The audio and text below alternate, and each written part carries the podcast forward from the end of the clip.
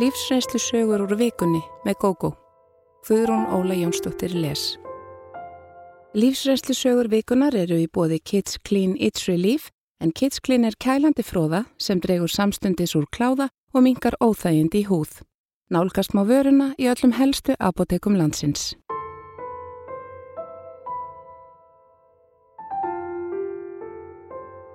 Kunni ekki að segja nei. Ég var þægt og meðfærilegt barn en það komst ég ekki upp með neitt annað og hlýðni mín við aðra helst næstu áratýjina með ýmsum afleiðingum því ég átti afar erfitt með að segja nei þótt mér langaði til þess. Líklega var ég það sem kalla má kúað barn. Mér var innrætt frá unga aldrei að bera virðingu fyrir fullornu fólki sem er vissulega hitt besta mál en heldur langt var gengið í innrætingunni. Ekki hjálpaði það mikið að vera alin upp á heimili alkoholista þar sem ég horfið upp á stránga móður mína sína föður mínum mikla meðvirkni. Heimilislífið var oft erfitt en ég var sífælt leiknari að koma mömmu í gott skap. Ég þóknaðist henni í einu og öllu og svo sagði ég oft við hana að ég elskaði hana því ég vissi að hún nöyð þess. Hún lagði ekki hendur á mig og meðan en mömmu var nokkuð laus höndin. Pappi barð okkur aldrei, var alltaf góði pappin en hann var samt ekkert skári í rauninni en mamma. Þegar hann tók túrana sína gerði það mömmu alltaf mjög pyrraða og hún tók það út á okkur sístrum. Sistri mín, fjórum árum eldri en ég, fór í hlutverk ábyrgabarsins á meðan ég var káti trúðurinn. Hún fekk mjög goða rengunir í skólanum og í herberginu hennar ríkti alltaf röð og regla. Hún þurfti ofta að passa mig þegar við vorum litlar og það var alltaf kvíðvænlegt fyrir mig. Svo eldri síndi þeirri yngri hver reð og sendi mig yðurlega allt of snemma í rúmið. Mamma hafði sagt að hún reði og ef sýstir mín þyrti að klaga mig yrði ég flengt. Mamma reyndi aldrei að ebla vináttu okkar, frekar hið gagstæða og engin samstæða ríkti hjá okkur systrum. Þetta skadaði samband okkar fyrir lífstíð. Við hittumst reglulega en samskiptin eru frekar yfirborskjönd. Mér er samum það núna en ekki áður. Frá unga aldri var ég sendi sveit. Ég passaði börn hjálpaði til í fjósinu, vaskaði upp heilu fjöllin af diskum upp úr volgu vatni, reyksugaði, skúraði, var skömmuð, en samt leið mér betur í sveitinni en í þrúandi andrumsloftinu heima. Þrátt fyrir allt, elskaði ég fóreldra mína, hlakkaði til að koma heim á haustin eftir sumarlangan þrældóminn en samskiptin í sveitinni voru mun heilbreðari en heima. Ef ég var skömmuð þá átti ég það skilið Ég var þó skömmuð fyrir að skúri ekki nóg vel og þá var ég 11 ára, reyði illa við verkið og skítrætt við kongularnar sem voru út um allt hús. Ég læknaðist af þeirri fóbíu því ég var hrættari við skamirnar en pötturnar.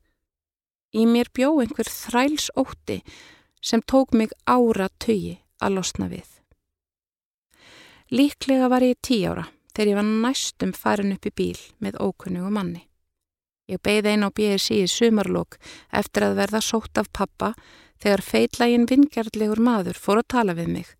Ég satt á bekk með ferðartösku og rúmfattapoka mér við hlið. Maðurinn varð ágengari og skipaði mér loksins að koma með sér. Ég þorði ekki annað en að hlýða. Hann tók fökkur mínar og ég eldan út á bílastæði.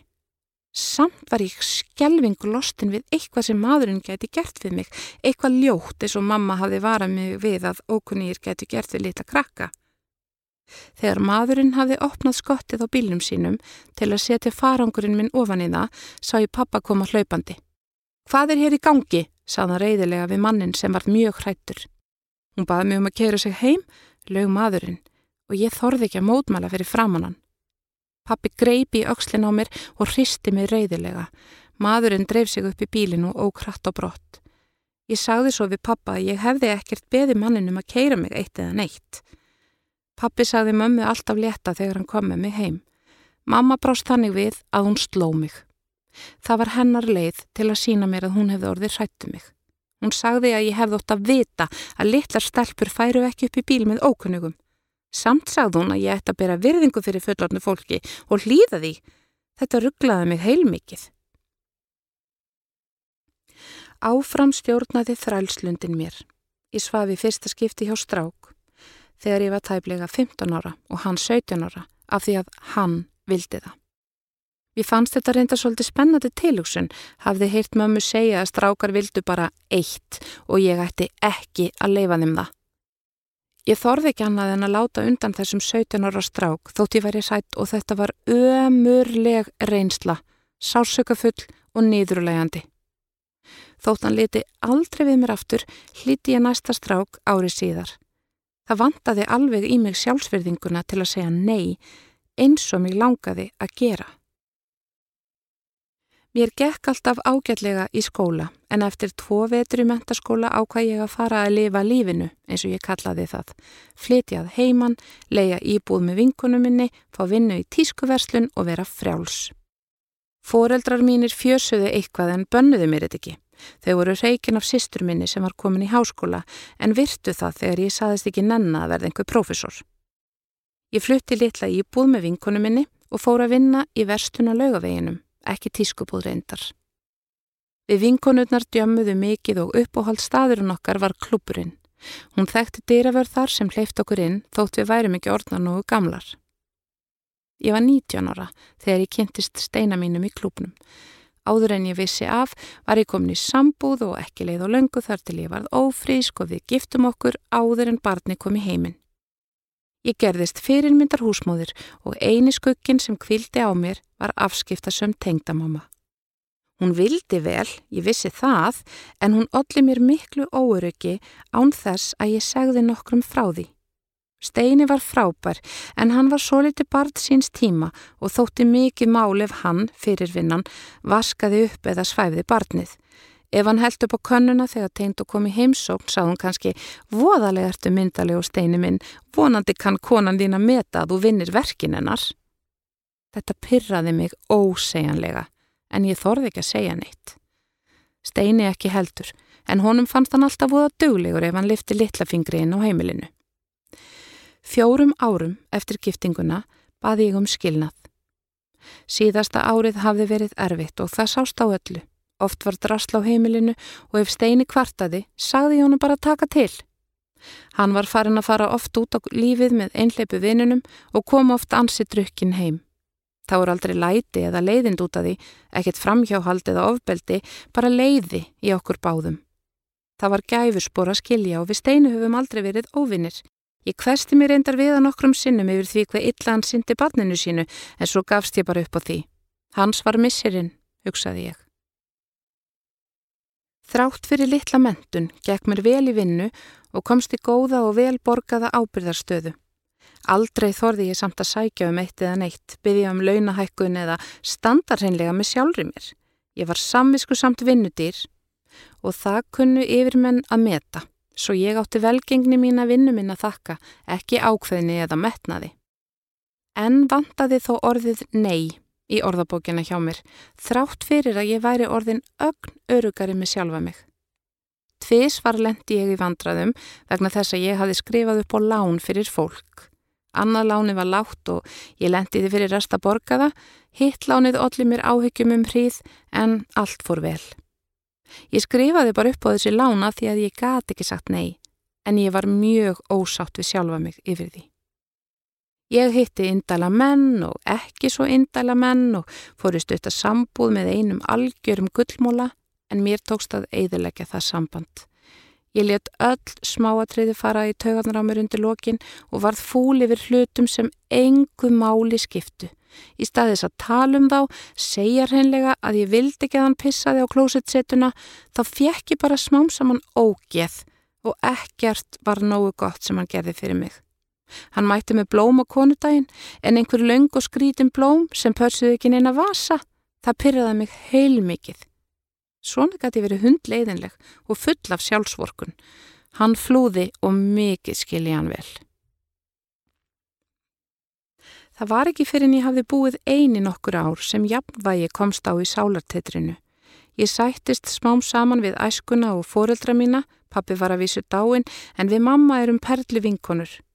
Ég hef enga þörf fyrir uppgjör við hana eða sýstur mína. Þegar ég fór að draga mig svo litið í hlið frá því lífi sem ég fannst ætlast til að ég lifði, þá fór mér að líða betur. Vinkonur mínar átt ekki orði yfir mig. Sögðu að ég væri orðin elgumul, langt fyrir aldur fram. Mér fannst gott að geta staðið með sjálfur mér og það var eins og ég hefði uppfært orðabókina mína því orðið nei fór að heyrast mun oftar. Ég varð ákveðnari og fólk virti það. Flestir, að minnstakosti. Ein vinkona let sér hverfa þegar hún gati ekki lengur stjórna mér. Það var ekki fyrir enn þá sem ég áttaði mig á því hversu stjórn sem hún frekun hafði verið við mig. Þegar hún fór í fússi ætlaðist hún til þess að ég sleikt hana upp sem ég gerði ekki. Og síðan eru mörg ár liðin. Ég lærði að meta einveru og fannst fátt notalegra en setja ein með góða bók eða lusta tónlist. Ég fór í langar gönguferðir og satt oft nýra á gróttu og naut þess að horfa á hafið. Fólki í kringum mig segir að ég megi nú ekki verða 50 án þess að finna mér mann. Ég er ánað með sjálfri mér en ef ég finn góðan mann þá er hann velkomin inn í líf mitt og á okkar begja fórsendum. Öll þóknun í fari mínu er vonandi hægt og ég held að ég sé orði nógu þrosku til að láta vita ef mér misbýður og leysa málinn þannig í stað þess að búa til þvingaða þögn eins og ég gerði áður. Mér finnst það rétt að ala börn upp í því að sína öðrum virðingu en það má ekki bæla þau og kúa. Það er skadlegt fyrir börn sem hafa ekki bein í nefinu, svona eins og var með mig.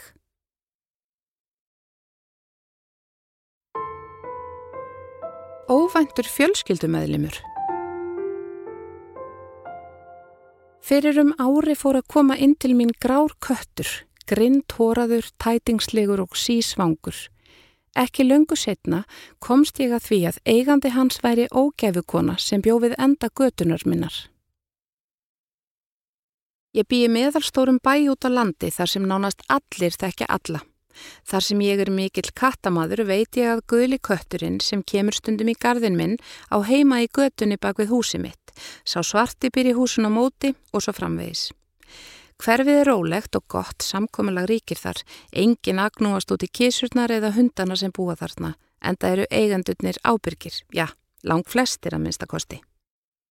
Brandur minn er mikill dekurkissi og var ekkert óurlega ánaður í fyrstu þegar grár köttur fór að venja komur sínar til okkar. Koma kvöldin inn um baðglökan sem opin er allan sólaringin fyrir brand. Innrásarkötturinn átt matinn frá brandi og lagði sig síðan í gamlan sófa. Ef ég reyfði mig á fratt eða kom ofan álagt honum, flúðan út. Smám saman róaðist sá grái, en ég komst ekki nógu nálagt honum til að aðtuga á slitnu hálsólinans hvort hann væri mertur.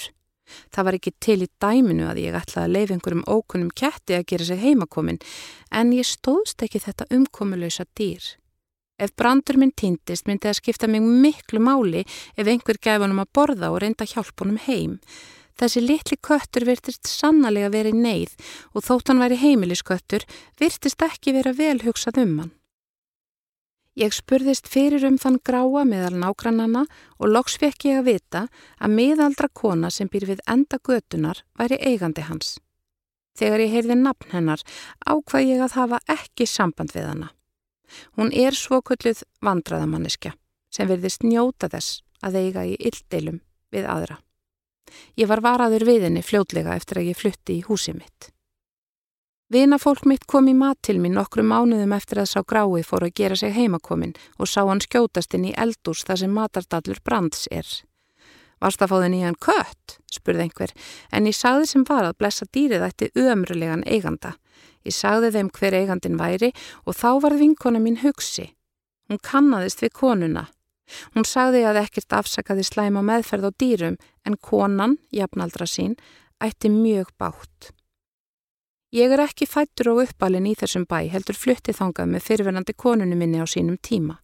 Eftir skilnaðin flutti hún söður til Reykjavíkur en ég ílendist í bænum, er í góðu starfi og á frábæra vini. Vinkona mín sagði að bæjarfélagið ætti að skammast sín fyrir að hafi ekki greipið inn í málinar og sískina hennar þegar þau voru lítil og svo sáðu nokkur undan og ofan af sögu ólánsömu konunar sem ég ætla að kalla völu í þessari frásögn. Vala er ein af mörgum sískinum, eflust fimm eða sex, sem var ekkert óalgengt á sínum tíma og var alinn strangt upp í guðsóta og góðum siðum. Fadir hennar starfaði í skólanum á staðnum og var virkur í kristilegu barnastarfi. Nokkuð var kvíslað um að hann beitti fjölskylduna andlegu og líkamlegu ofbeldi, bæði konu sína og börn og svo fóru að berast sögur um annars konar ofbeldi á hendur dætrunum án þess að nokkur gerði neitt nefn heikslast og jafnvel fyllast vantrú. Svona brósmildur og góður maður sem gerði svo mikið fyrir börnin í bæjarfélaginu, nei þetta gæti ekki verið rétt. Öðrum fannst að þetta væri engamál fjölskyldunar, engum kæmi við hvað gerðist innan vekja heimilis annara. Börnin uksu úr grasi og dæturnar, vala og ári yngri sýstrennar þóttu afar vildir unlingar. Þar drukku mikið, voru reynlega kolvittlusar þegar þar fór út að skemta sér og fluttu að heiman áður en þar urðu sjálfráða. Vala er eina sískinnið sem býr enn í gamla heimabænum sínum en foreldrar hennar eru enn búsettir hér og búa á elli heimilinu á staðnum. Vinkona mín sagðist full viss um að stelpurnar hefðu haft eitthvað slæmt á pappasinn, hinn stránga refsandi föður, annars hefðu þar valla þórað að haga sér svona illa. Pappi þeirra naut virðingar í bænum og fæstir vildi trúa nokkru illu upp á hann lengi vel. Engum sögum fer af áreiti hans skakvart stúlkum í barnastarfinu en það var þetta kynjaskipt starf en nokkrar unlingstúlkur klöguðu hann fyrir áreitni í skólanum þar sem hann starfaði sem húsverður og gangavörður. Þetta þótti vist frekar vandraðalegt mál og í stað þess að reka mannin reynlega var hann færður til í starfi innan skólans út starfsæfina Þar sem hann hafði umsjón við strákaklefinum í leikvimi eitthvað slíkt myndi vinkonu mína. Allavega, hann var færður frá stelpunum í skólanum. Hann og skólastjórin á samt ímsum framómönum bæjarins voru saman í karlaklúpi og þeir stóðu saman. Pappi völu reyndi fyrir sér í pólitíkum tíma en náði engum árangri. Kanski eigðulögðu kæftasögurnar fyrir honum. Það stóðvist til að skipan í barnaverðar nefnd eitt árið en sem betur fyrr kom einhverji veg fyrir það. Þeir sem höfðu kvísla sem mest um hvað hann mögulega gerði dætrum sínum voru nú vissir um að heilmikið sannleikskort værið að finna í sögunum, en gerðu samt ekkert. Vinkonum í sagði að sögurnar hefðu orðið sífelt háværari og yfirvöldum hefði verið í lofa lægið að grípin í málinn. Þeir sem gáttu eitthvað gert kerðu sig greinilega ekki um að fara rótaninu upp. Vinkona mín sagðist stundum hafa hitt völu á djamminu í gamla daga og mann eftir því að vala, þá dauða drukkin, talaði einu sinnu um pappasinn sem ógeð, án þess að útskýra það nánar og fór svo að gráta og rauka brott þegar einhver skammaðana fyrir að tala illa um föðu sinn. Vinkona mín sagðist einu sinni hafa kíkt á Facebook síðu elsta sonarins, stóra bróður völu, í rælinni, hún hafi þekkt hann og verið að spá í að sækjum vinóttu við hann, Þar sem þau áttu samiðilega vini gatt hún skoðað myndirnar hans. Bróðurinn var með að stilt hannig. Það sást greinilega á myndunum að sonurinn hafði ekki farið jafnitla út röpildin og dæturna tvær. Hann var á kafi í þessum sama söpniði og fjölskyldan tilherði en í Reykjavíkur deildinni. Hann átti konu og börn sem virtust hafmyggisum. Enga mynd var að finna af sistrum hans og því líklegra en hitt að lítið eða ekkert samband væri á milli.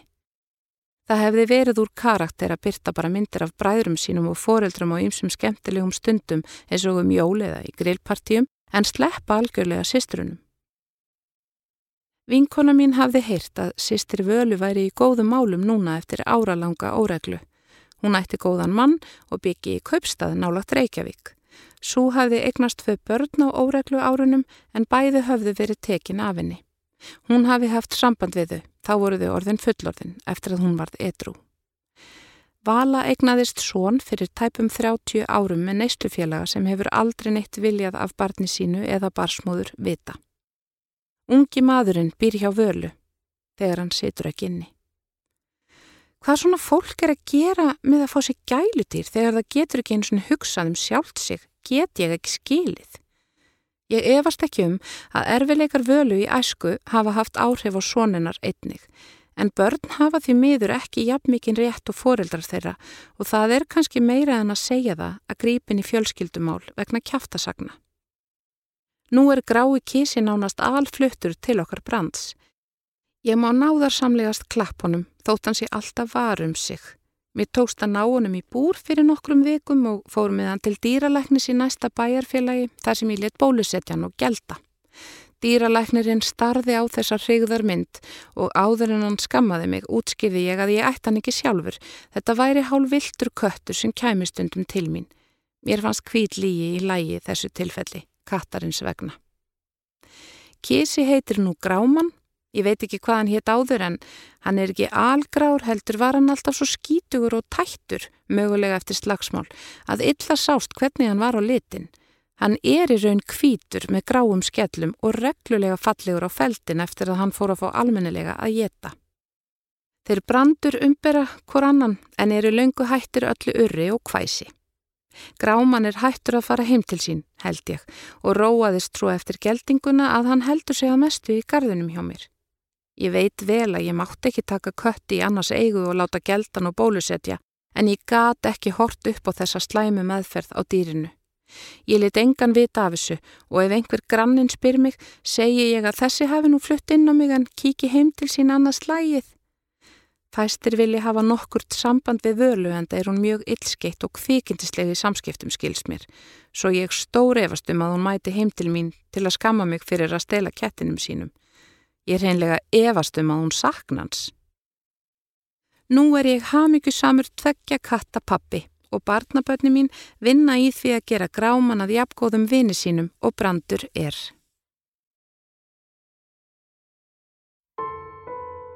Ég átti ástarsambandi við giftan mann. Ég átti ástarsambandi við giftan mann í góðri stöðu. Hann er þekktur í mínu bæjarfélagi en þegar samband okkar komst upp fengu allir bæjarbúar mikla samúð með honum og konu hans en ég var fordæmt og kölluð hjónadjöfull. Hann nótti frumkvæði að sambandinu og hjælt við lengi við með því að ringja í mig þótt hann hefði lofað konunni sinni að tala aldrei við mig framar. Við kynntumst þegar ég hóf störf hjá fyrirtækinans. Ég var mjög ung og þetta var fyrsta alvöru starfið mitt. Ég var svo litið óerug en hann var ákaflega hlýlegur við mig og rósaði mér oft. Í fyrstu talaði hann bara um hvað döguleg og vandvirki væri en svo fór hann að tala um að ég væri falleg og myndarleg. Hann dáðist mikið að hárinu á mér og augunum og sagði ofta að ég væri indisleg stúlka sem áreðanlega yrði glæsileg kona. Ég var upp með mér af aðteglinni sem hann síndi mér og það kitlaði hjekomagjörð mín að svo myndarlegur og virtur maður skildi slá mér gullhamra. Fullorðin kona sem vann með mér varaði mig við og sagði einhver tíma við mig Illt er að leggja ást við þann sem enga kann á móti. Ég veldi því oft fyrir mér í dag hvort hún hafi vitað eitthvað um þennan mann sem hún vildi ekki segja mér. Sennilega hef ég verið auðveld bráð því strax í fyrsta skipti sem hann bað mig að hitta sig utan vinnutíma fjálst ég á það. Hann bað mig að ganga af stað frá vinnustanum og sagðist koma á eftir mér á bílnum sínum og sækja mig. Ég gerði allt sem hann bað mig um og við ógum út fyrir bæin og stoppuðum á fallegum afviknum stað. Hann sagði að hann væri mjög einmanna. Hann hefði alltaf unnið mikið og þess vegna fjarlagst fjölskylduna. Honum fyndist oft sem hann væri ókunnugur gestur þegar hann kemi heim til sín. Hann bætti því við að þau hjónin væri mjög ólíkað eðlisfæri. Hann væri bjart sítn og jákvæður og vildi horfa á það góða í lífinu fremur en að einblýna á það sem miðurfæri. Konan sín væri algjör anstæða við sig og það væri sama hvað hann tæki sér fyrir hendur. Hún spáði því að það færi á versta veg. Hún hefði oft sett honum stólinn fyrir dyrnar þegar hann vildi framkvæma eitthvað af sínum hugmyndum og það tald hann að veri ástæða þess að fyrirtækið væri ekki stöndúra en það reyndist vera. Ég trúði öllu sem hann sagði og kendi óskaplega í brjóstumann. Mér fannst að þessi mikli aðtapnamaður og hugmyndasmiður ætti að fá að njóta sín og ég sagði honum það. Hann svaraði því til að ég væri svo ferskur andblær inn í lífsitt. Hann hefði verið dapur og niðurdregin svo lengi en gladlindi mitt og fallegt útlitt hefði gefið honum kraft til að halda áfram að lifa. Þegar hann sagði þetta fekk ég mikinn hjarslátt og heitur ströymur fórum mig alla.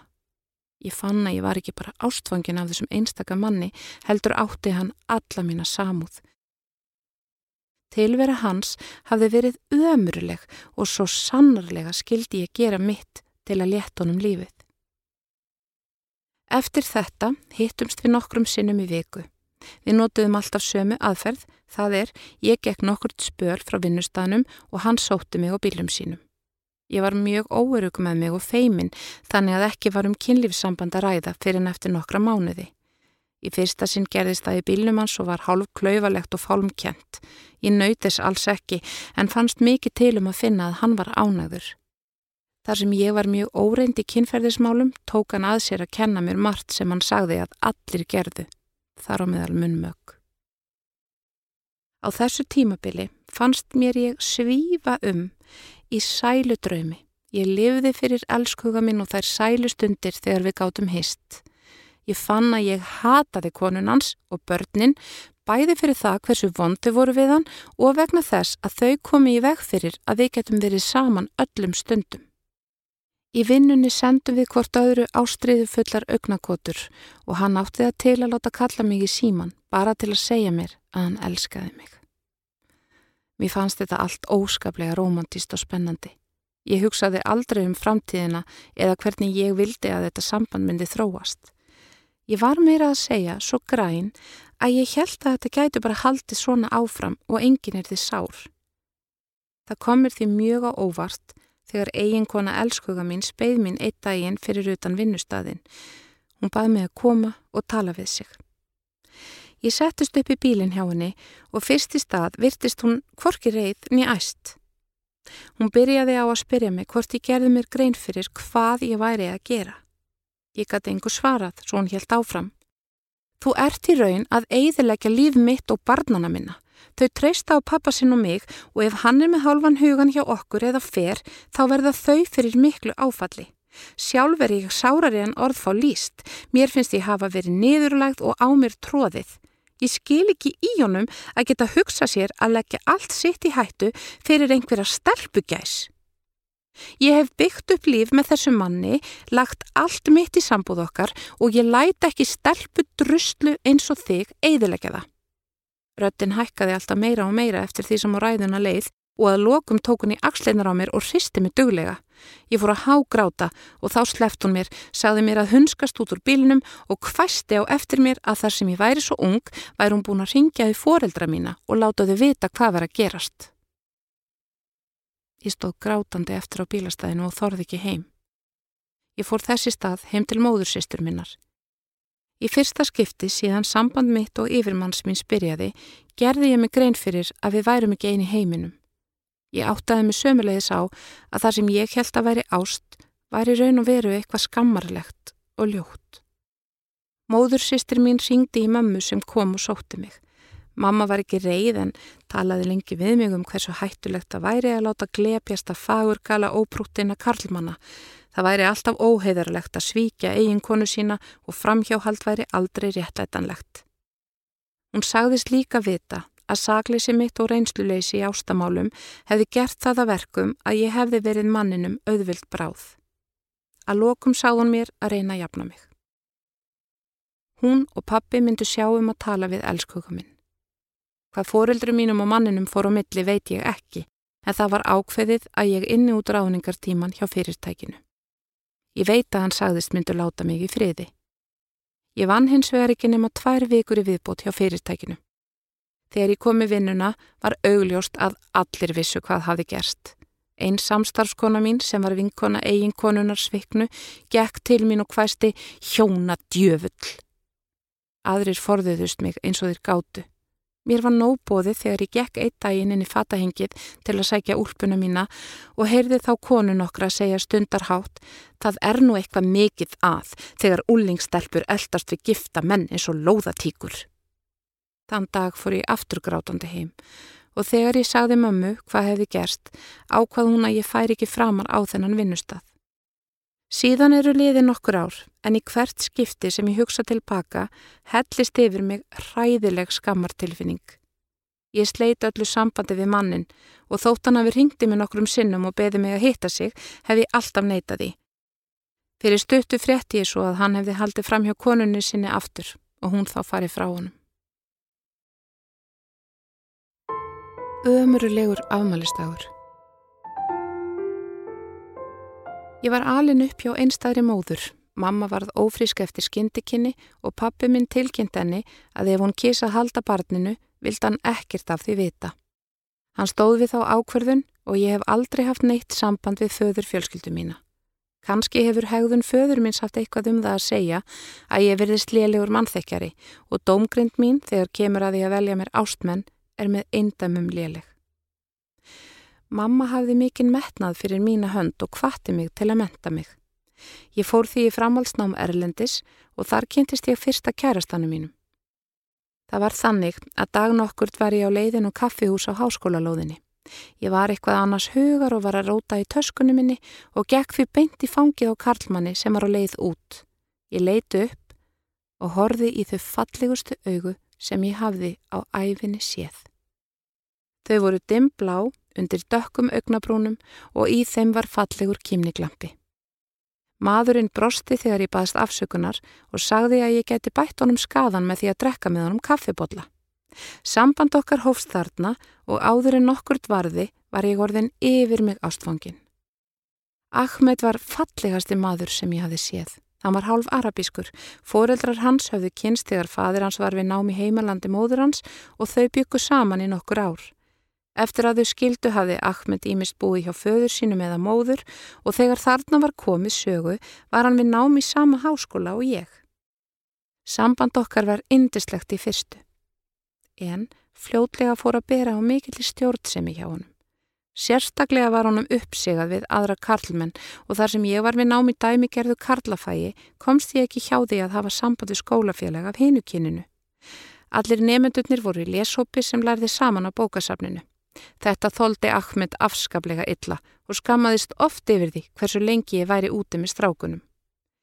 Ég reyndi eftir bestu getu að koma til mótsviðan og fór oft mun fyrir heim en ég hefði viljað. Allt kom fyrir ekki. Afbriði sem er hans jógst steg af stígi og brátt var svo komið að hann kúaði mig andlega. Hann sagði að allar vestrænar konur væri lauslótar. Það væri reynsla hans og landa hans að fyrir það síðar heldu þar framhjá. Þeir þyrtu því að hafa vakandi auga á konum sínum ef þeir hefðu kosið sér vestrana konu.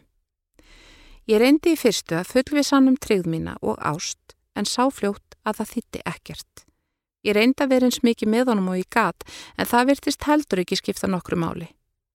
Sambúð okkar var orðin mjög erfið þegar eitt skólabræðra minna kom að máli við mig. Hann sagðist hafa miklar áhyggjur af þróun mála hjá okkur Ahmed og bendi mér á fyrverandi kærustu hans sem einnig stundaði námþarna. Hann kvatti mig til að tala við hana og ég ákvaði að gera það til að fá ráð.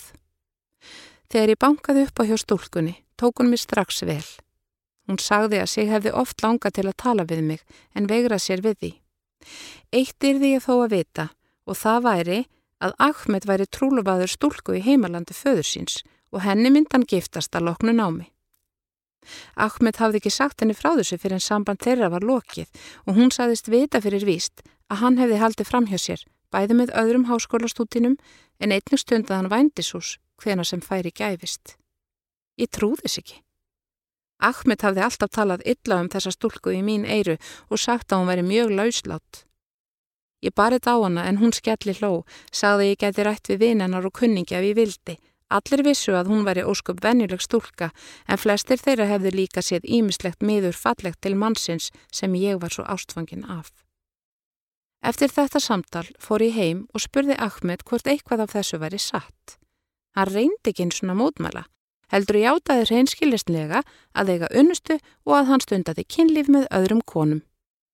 Hann viðurkendi fúslega að hann borgaði stundum fyrir greiðan.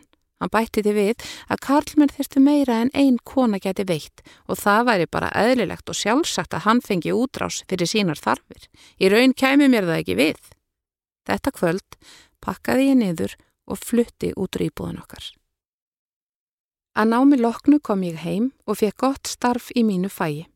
Reynslan af sambúðinu með Ahmed hafði gert mig frá hverfa karlmönnum og ég stundaði ekki skemmtistaði. Þegar vinkona mín bauð mér í afmæli sitt sem hún helt upp á, á krá í bænum, fannst mér í hins vegar ekki geta skora stundan og fór. Það kvöld hitt ég Jóhann. Hann var mjög kátur og skemmtilegur, sjálfströystið uppmálað og ákveðin í að fá það sem hann vildi. Ég sínd honum engan áhuga og vildi lítið við hann tala þetta fyrsta kvöld. Hann eldi mig hins vegar um allt og reynda sannfæra mig um að hann hefði aldrei fyrr reyfist svo mjög af nokkur í konu. Þegar ég fór heim, eldan mig út af leigubillum og baðum að fá að koma með. Ég þverr neytaði og þá baðan um símanúmuru mitt. Það fekk hann ekki heldur og því varði ég mjög undrandi þegar hann ringdi í mig tveimur dögum setna. Hann hafði þá haft fyrir því að leita uppi manneskur inni á kranni sem þekktu mig og fengi hjá þeim nafni mitt. Ég viðurkenni að þetta kýtlaði hérkomagirt mína og ég samþykta að fara með honum út. Samband okkar var lengi að þróast en eftir tæft ár ákvaðum við að fara að búa saman. Við Jóhann giftum okkur svo eftir þryggjára sambúð. Þá áttum við áskamalt barn. Sónur okkar var fjögur ára þegar sýstrans fættist. Síðari meðgangan reyndist mér erfið og fæðingin var hræðileg kvöl. Ég var veik síðasta hálfa mánuðin áður en hún fættist og ég lága meðgöngudild. Það tók mig fjóra sólarhinga að fæða barnið og að lokum var hún tekin með sáklukku. Ég var orðin svo máttlaus og sljó síðustu klukkutímana eftir látlausa verki dagana á undan að mér var orðið alveg sama hvort ég myndi lifa eða deyja. Það þurfti að sauma mig mjög mikið og lengi á eftir var ég mjög bólkin og auðm. Eins og flestir geta ímynda sér fór flestur skorðum sem farið getur úr skorðum þarna niðri og í nokkra mánuði átti ég mjög bátt með að halda bæði saur og þvægi. Jóhann var mér afskaplega góður í fyrstu en eftir því sem mánuðinni liðu og ég var enna stríða við heina á þessa kvilla var þann fjarlægari. Ég reyndi að tala við hann um heilsufar mitt en hann vildi líti ræða það. Hann fór að vinna mun meira en áður og brátt var svo komið að hann var að heiman flest kvöld. Ég var leiði verið þessu en taldi að hann ætti erfitt með að skilja og takast á við hvenna vandamál en allt myndi lagast þegar stelpann stækkaði og ég fengi heilsuna aftur. Dóttir okkar var nýju mánada þegar kona sem vann á sama vinnustad og Jóhann ringdi í mig. Við þekktum stákjallega og hún spurði hvort hún mætti ekki koma í kaffe til mín. Jújú. Jú. Hún kom strax eftir vinnu og hafði engan formóla að því sem hún vildi segja. Hún bar mér þar fréttir að maðurinn minn væri í ástarsambandi við allræmda stúlku sem var í fíknefna neytandi og hefði ymsa fjöruna sopið í ástamálum. Þetta væri alltalað í bænum og hún gæti ekki hugsa sér að horfa upp á það lengur að ég einn vissi ekki neitt. Hún hvaðst einning óttast að Jóhann kynni að bera einhverja sjúkdóma í mig og barnið. Konugreinu leið augljóslega ekki vel og þegar hún hafi romsað þessu út úr sér, hvatt hún og fór. Hún vissi ekki að þennan dag átti ég afmæli og við hjónin höfðum ætlað að halda upp á daginn með því að fara út að borða. Ég ringdi Jóhann og skipaði hann að koma heim. Þegar hann kom heim, spurði hann hvort þetta væri satt. Líkt og Ahmed forðum hafði hann ekki eins og fyrir því að ljúa. Hann játaði allt en tilkynnti mér jáfnframt að þetta samband væri honum ekkert annað en útrás fyrir kynkvötina. Hann bað mig að sína sér þólinnmæði og býða eftir að hann næði þessu úr sér. Að hann sögnirði þess tæplega langt að býða því stúlkan væri heimsk og leiðinleg og gagnaðist aðeins á einn hátt. Ég stóð orðurlaus og starði á þennan mann sem ég hafði búið með í sex ár og ég áttaði mig á því að ég þekkt hann ekki neitt. Ég pakkaði þegjandi ofan í töskunnar hans og bað hann vinsamlegast að fara. Síðan eru liðin tvö ár og ég hef passað mig á að líti ekki á kallmann síðan. Góða mamma, vonda mamma. Þegar ég fullornaðist fór ég fyrst almennilega að skilja hversu förðuleg æska mín hafði verið og hvað mamma væri sjúk. Hún talar ekki við bróður minn lengur og slítur reglulega á tengslinn við mig líka. Við Gunni bróðir fætumst með tvekkja ára millibili og ég er eldri, við erum ekki samfæðra. Eftir á að higgja býst ég við að við sískinnin hefðum orðið mun fleiri ef ekki hefði þurft að fjarlæga leið úr mömmu áður en hún var þrítug. Mamma hafði mikið á móti fóstureyðingum og spilaði trú hennar inn í þá skoðun. Lífið var henni þó ekki heilara en það að hún létt lóa kísunu okkar til að refs okkur gunna fyrir óþægt. Hún kom inn gríðar miklu samviskubiti hjá okkur sem enn eimir eftir af. Þótt við gretum og lofuðum öllu fögru fekk kísa ekki að lifa. Ég held reyndar að mamma hafi séð offsjónum yfir umstanginu við köttin. Við vorum bara fjögra og sex ára og gátum ekki borið þá ábyrð sem við lofuðum þegar við báðum hann um að fá kött. Samt, það þurfti bara að gefa kísu mat, hún sá um sig sjálf, fór inn og út um glugga og svaf til skiptis uppi hjá okkur gunna sem elskuðum hann út af lífinu.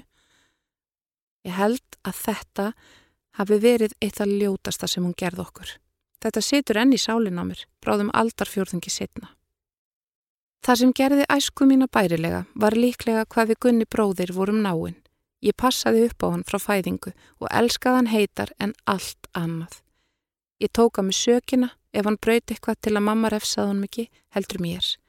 En í dag eru við mjög náinn. Við vorum alltaf frekar fátek en það var öllum öðrum að kenna en mömmu. Hún var svo óheppin í lífinu og allir svo vondir við hana. Hún fekk kannski vinnu í nokkra mánuði en var síðan rekin, eflust fyrir að vera erfið í samskiptum. Hún gat verið terrillt í skapinu og letað oft bytna á okkur. Stundum heldum við að allt væri í lægi en þá gat hún brjálast yfir því að það væri óreitt diskur á sófaborðinu.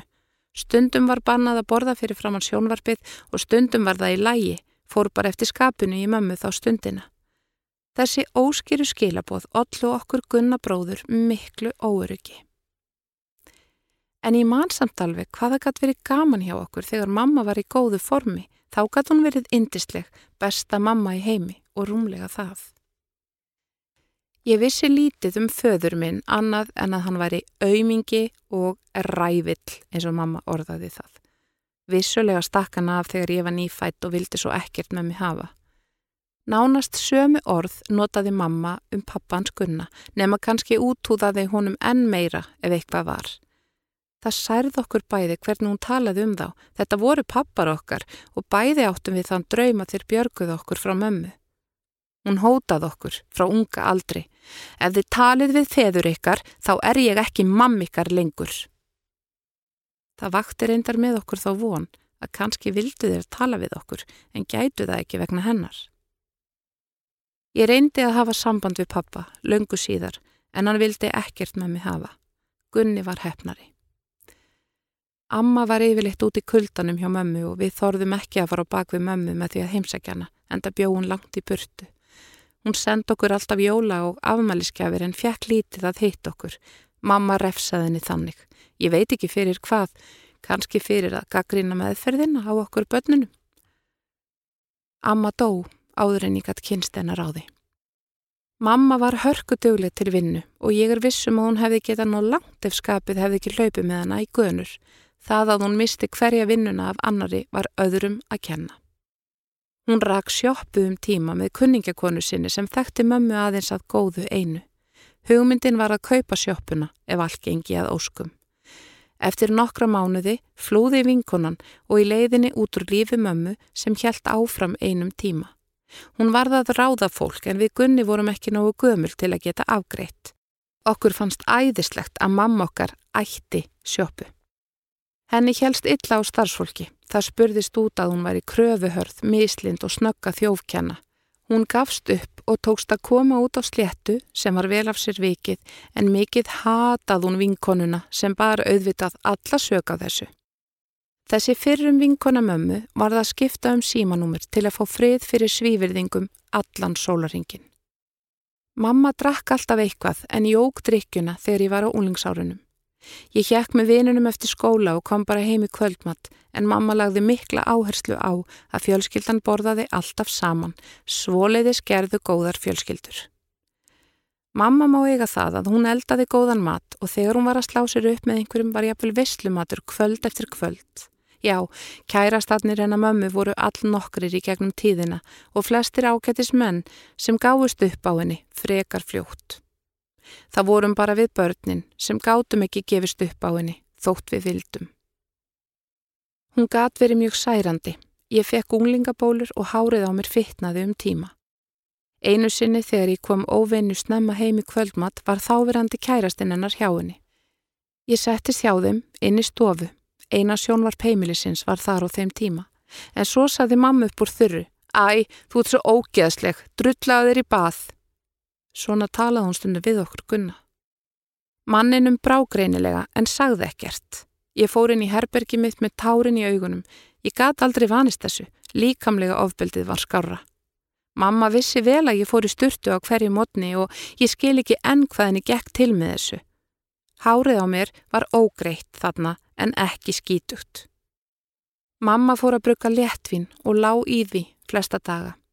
Hún var ögn skapetri undir áhrifum en ef hún fór mikið yfir strikið varð hún annað hvort ofur elskuleg eða gekk berserksgang og rústaði öllu í kringum sig. Ég flutti að heiman þegar ég var 16 ára. Mér þótti leitt að skilja Gunnar bróður eftir en hann dvaldi samt meira og minna hjá mér og vinkonu minni sem ég legði með. Vinkona mín var að verða 18 ára og átti líti barn Gunni passaði oft barnið og stundum þóttist hann þurfa að fara að passa þegar mamma var að gera hann brjálaðan. Árin liðu og ástandi batnaði lítið. Mamma helt áfram að drekka og misti sífelt meiri stjórn á tilverunni. Þessi fallega kona varð grá og guggin, suppuleg og þrútin. Það var eiginlega fyndið hvað hún var fanatísk á reykingar á meðan hún marineraði sig í áfenginu.